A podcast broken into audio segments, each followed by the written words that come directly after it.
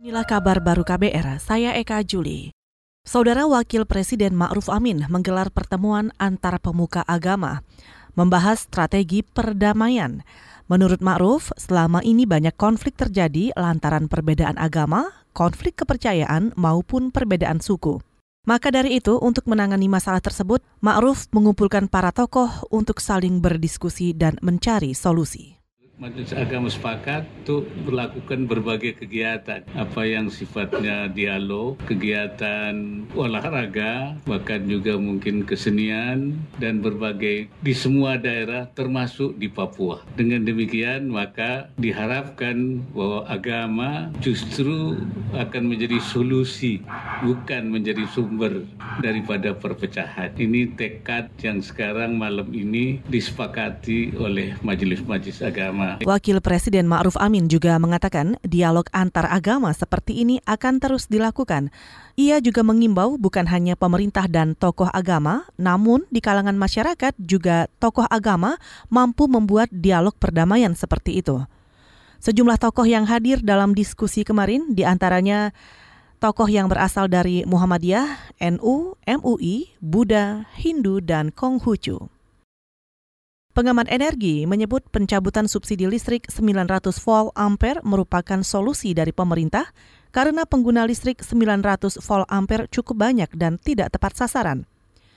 Direktur Eksekutif Energy Watch Mamit Setiawan menyebut tidak ada dampak signifikan terhadap pencabutan subsidi listrik. Ia menegaskan pengguna listrik 900 volt ampere didominasi kelas menengah. Nah, dengan jumlah pelanggan yang cukup besar, jadi memang ini sedikit banyak membebani keuangan negara. Nah, dengan dicabut ini memang saya melihatnya akan ada dampak terhadap masyarakat lah ya, terutama yang memang sekarang uh, subsidinya dicabut ya. Tetapi saya melihatnya bahwa untuk golongan 900 KVA ini bisa dikategorikan rata-rata adalah orang golongan yang memang mampu lah ya gitu kan ya menengah ke atas jadi seharusnya sih ini tidak terlalu e, menimbulkan e, gejolak di masyarakat gitu kan ya Direktur Eksekutif Energy Watch Mamit Setiawan menyarankan jika subsidi yang dicabut dialihkan kepada sektor lain seperti untuk Kartu Indonesia Sehat dan Kartu Indonesia Pintar.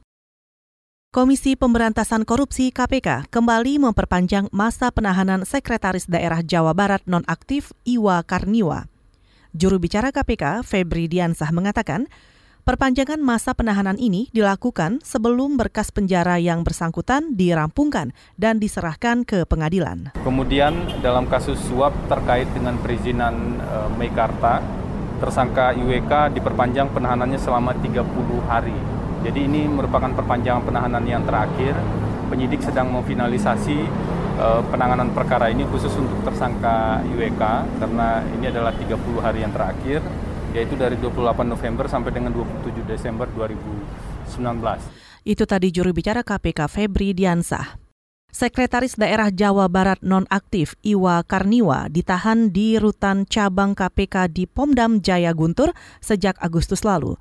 Dalam perkara ini, KPK menetapkan Iwa sebagai tersangka karena diduga terlibat suap terkait pembahasan substansi rancangan peraturan daerah tentang rencana detail tata ruang Kabupaten Bekasi tahun 2017. Peraturan itu juga diduga terkait dengan rencana pembangunan kawasan pemukiman Meikarta di Bekasi. Kita ke Papua.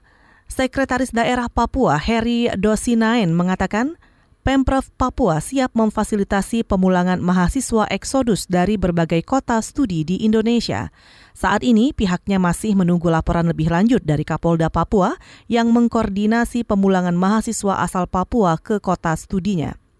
Salah satu relawan yang juga aktivis HAM, Matius Murib, secara terpisah mengaku saat ini terdata 300-an orang dan jumlah itu dipastikan akan terus bertambah. Namun banyak di antara mahasiswa yang ingin kembali melanjutkan studinya mengatakan akan kembali kota ke kota perantauan setelah tahun baru.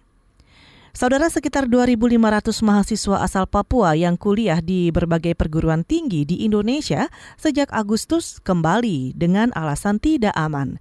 Mahasiswa kembali ke Papua setelah terjadi kasus dugaan rasisme di Surabaya.